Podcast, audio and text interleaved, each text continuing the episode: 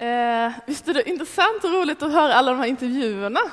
Jag tycker det är jättekul eh, att se berättelserna från Bibeln om vad Gud har gjort. Eh, jag heter Sofia Bengtsson och arbetar under våren här som ungdomsledare och har varit med eh, Konfagruppen hela året och det har varit ett väldigt bra år. Eh, och jag tänker så här, jag tänker och är övertygad om att Gud möter människor i Bibeln som vi har talat om här, men han möter också människor idag och likheterna är väldigt stora tycker jag. Jag vet inte om ni själva har sett det. Eh, om vi tar ett exempel då. Vi började med att prata om Rut och Nomi. No, Nomi var då, jag ska säga, svärmor till Rut. Eh, och, och, trots det så hade de en väldigt nära relation. Eh, och så här står det i Ruts bok. Eh, Ruts bok ligger i Gamla testamentet mellan eh, Domarboken och Samuelsböckerna. Rut kapitel 1, vers 15 till 16. Nomi sade, du ser att din svägerska vänder tillbaka till sitt folk och till sin Gud. Följ med henne tillbaka. Men Rut svarade, tvinga mig inte att överge dig och vända tillbaka. Dit du går, går också jag, och där du stannar, stannar jag. Ditt folk är mitt folk och din Gud är min Gud. Jag tänker att Rut och Nomi, att de lever i en nära relation till varandra. Och när Rut ser hur Nomis tro är så växer så småningom hennes tro också fram. Så tänker jag att det är. Och jag tänker att det är så kul att se när vi intervjuade här Kalle och Frida innan. För vad var Fridas berättelse?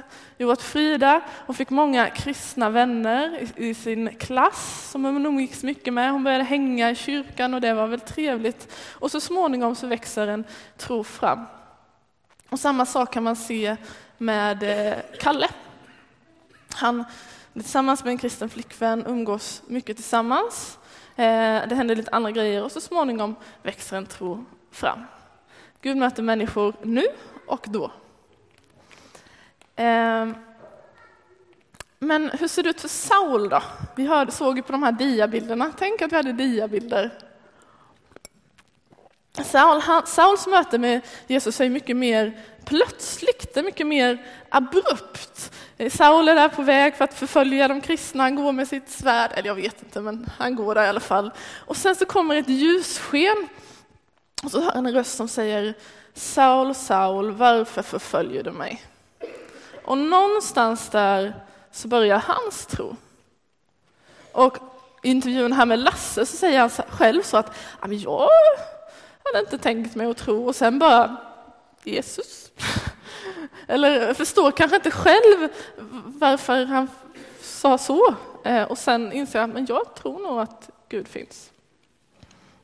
Så hur tron uppstår kan se väldigt olika ut. Eh, men det är likheter.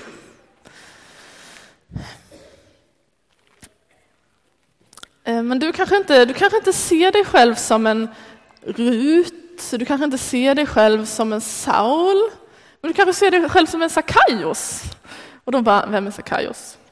Ja, var du på gudstjänst förra veckan så hade du vetat det. Vi pratade om Sakaios förra veckan. Sakaios i alla fall, står om i Bibeln, han får höra talas om att ja, men Jesus är på väg till stan och folkmassan samlas. Han springer lite i förväg, han klättrar upp i ett träd och så sätter han sig där och tittar så här eller det vet jag inte, jag var inte där, men det står att han satte sig i trädet och försökte lyssna och höra, vem är den här Jesus? Eh. Och jag tänker, kanske är du också så att du är lite nyfiken på Jesus, men du har klättrat upp i ett träd. Du sitter och tittar, du håller lite distans, men du är ändå nyfiken och funderar, vad kan det här vara? Vet ni vad Jesus säger till Sakaios? Där står det i Lukas kapitel 19, vers 5. När Jesus kom dit såg han upp mot honom och sade Skynda dig ner Sakaios, idag ska jag gästa ditt hem. Jag tycker detta är väldigt roligt. För det första så är det, tänk att det är massa folk, det är så här som det är här fast mycket mer folk. Och så Jesus omringad av alla de här människorna som vill ha hans uppmärksamhet. Och sen så bara, jag ska leta efter någon i ett träd. där satt en man, hej! Det är inte ofta man ser honom, men Jesus ser Sakaios. Och han vet hans namn, han talar till honom och säger kom ner till mig så ska jag gästa ditt hem idag, jag vill umgås med dig. Och så tänker jag att Gud säger till oss också. Kom med i spelet, kom ner till mig, var med, jag vet ditt namn, jag känner dig, jag vill Eh, umgås med dig.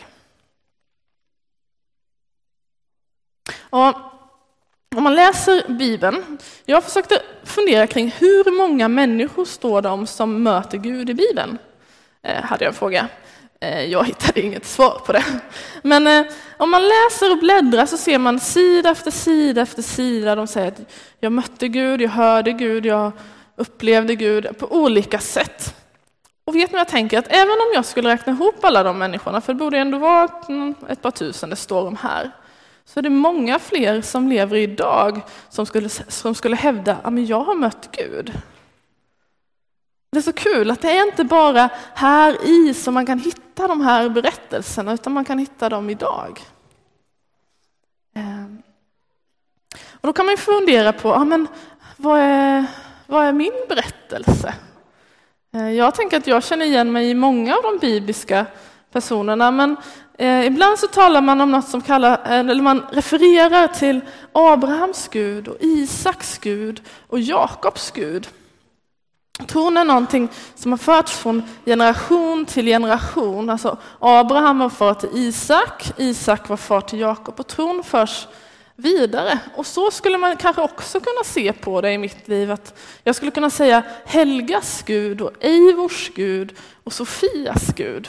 Eh, men samtidigt så tänker jag att för Jakob och för mig som blir de yngsta i de här leden, någon gång så måste tron det måste bli mer en berättelse om vad Gud har gjort i andras liv. Det behöver även bli berättelser om vad Gud har gjort i mitt liv. Eh, och när man läser man Bibeln kan man se att Jakob han, han fick brottas med Gud väldigt bokstavligt. Eh, och han fick möta Gud och jag har också fått brottas med Gud och brottas med tron. Och idag kan jag också säga att ja, det är också min Gud. Men jag vill bara ta en en, bara en kort berättelse om vad Gud betyder idag, för det kan bli så, det blir så flummigt, det är så abstrakt. Eh, så jag bara tänkte säga något från förra veckan. Eh, I tisdags så hade jag haft en ganska jobbig natt sådär, och en jobbig morgon kan man säga. Eh, och så, men efter ett tag man samlar upp sig, man liksom, ja, men samlar ihop sig själv och ja, men nu tar vi nya tag. Och sen så var vi på ledarutbildning här eller vi hade en ledarutbildning för ledarna här i församlingen på kvällen. Och på slutet så satte vi oss i grupper där vi bad för olika saker. Och min grupp, vi skulle be för ungdomarna i den här staden. Så vi började be för ungdomarna här. Eh, och sen när vi håller på att be så är det en, en av ledarna som börjar be för mig. Och så ber han också för en annan person som inte var där. Och det var, vadå, vi skulle inte be för mig, vi skulle be för ungdomarna. Eh, och för mig var det lite så att jag tror att, att Gud vet, att jag hade inte pratat med honom innan, liksom, utan Gud vet hur min dag hade varit och visste att jag behövde den uppmuntran. För samma sak hände nämligen i februari, tror jag. Då hade vi en ledarsamling med några ungdomsledare. Jag hade haft en riktigt jobbig dag och vi ber för ungdomarna här i staden också.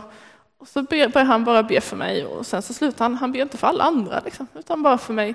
Eh, och en del, nu kanske ni tänker, hon måste ha dåliga dagar varje dag. Det är inte så svårt. Men jag har inte dåliga dagar så jätteofta. Eh, utan jag tror att Gud har timing, jag tror att Gud har omsorg, jag tror att han vet. helt enkelt. Eh, men varför, varför berättar jag det här? Varför berättar vi om de här bibliska berättelserna? Varför har vi de här intervjuerna? Vi vill egentligen säga en sak, det är det som är temat för hela gudstjänsten och det är Guds längtan. Och det är att Gud längtar efter dig. Gud längtar efter dig, det är det vi vill säga, det är därför vi är här. Och Gud har mött människor i alla tider eh, nu och då, men framför allt där de är. Alltså man behöver inte säga eh, Ja, men ibland så kan man önska att man var någon annanstans, men Gud möter dig och mig där vi är, inte där vi önskar att vi skulle vara. Det viktiga kan inte, inte var du befinner dig, utan vart du är på väg. Vad vill du?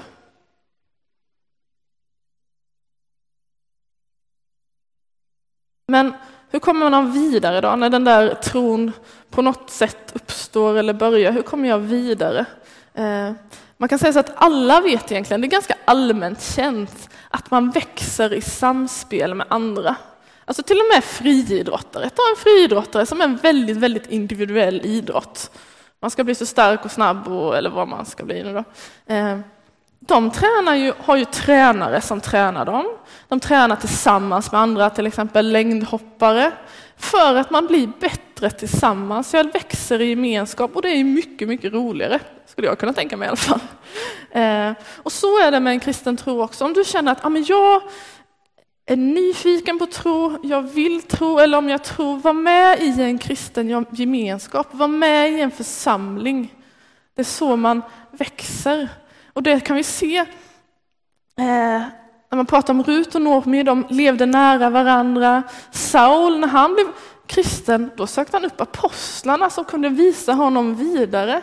Och för mig och Lasse och Frida och Kalle så innebär det att vi är med i samma sån här cellgrupp. En grupp som träffas en gång i veckan och ber och läser Bibeln och stöttar varandra och uppmuntrar varandra. Vi är med i den här församlingen för att vi tror att man växer med andra. Ehm. Men hur tar sig då Guds längtan uttryck? Hur, hur ser det ut? Ja, vi har ju berättat lite, men så här står det i Filipperbrevet kapitel 2, vers 6 till 11. Han ägde Guds gestalt men vakade inte över sin jämlikhet med Gud utan avstod från allt och antog en tjänares gestalt och han blev som en av oss. När han till det yttre hade blivit människa gjorde han sig ödmjuk och var lydig ända till döden, döden på ett kors. Därför har Gud upphöjt honom över allt annat och gett honom det namn som står över, andra, står över alla andra namn, för att alla knä ska böjas för Jesu namn och i himlen och på jorden och under jorden och alla tungor bekänna att Jesus Kristus är Herre, Gud Fadern till ära. Gud blev människa. Guds, Guds längtan efter dig och mig sträcker sig så långt att han väljer att bli människa. Han väljer på det sättet att visa vem, vem han är. Han ger sitt liv för dig och mig. Vi inleder hela den här gudstjänsten med att dansa till en låt av Svenska björnstammen. Refrängen är Vart jag mig i världen vänder står jag där med tomma händer, längtar efter något som kan rädda mig. Jag tror att människor längtar efter någonting, men jag tror att Guds längtan är mycket, mycket, mycket, mycket, mycket större. Han har valt att bli människa, han har valt att ge sitt liv för dig. Och den här sången så sjunger de så står jag där med tomma händer. Det är en ganska tragisk sång egentligen. Men jag tror att Gud vill rädda dig, Gud längtar efter dig. Han vill liksom fylla dig och lyfta dig. Och den sista jag säger är så här. Gud är till för alla. Man kan inte straffa ut sig. Det finns inga körda fall. Liksom. Det vill jag säga. Ehm. Vi ber en bön tillsammans och sen kommer vi få lyssna på en sång. Jesus, tack för att du är till för alla. Tack för att du längtar efter oss. Tack för att du ja, men bara ropar efter oss. Och tack för att du möter oss på olika sätt för att vi är olika. Nu ser du de som har kommit hit som kanske Ja, du vet precis var de befinner sig. Tack för att du vill möta dem där, dem där de är och inte där de önskar att du, de skulle vara. Amen.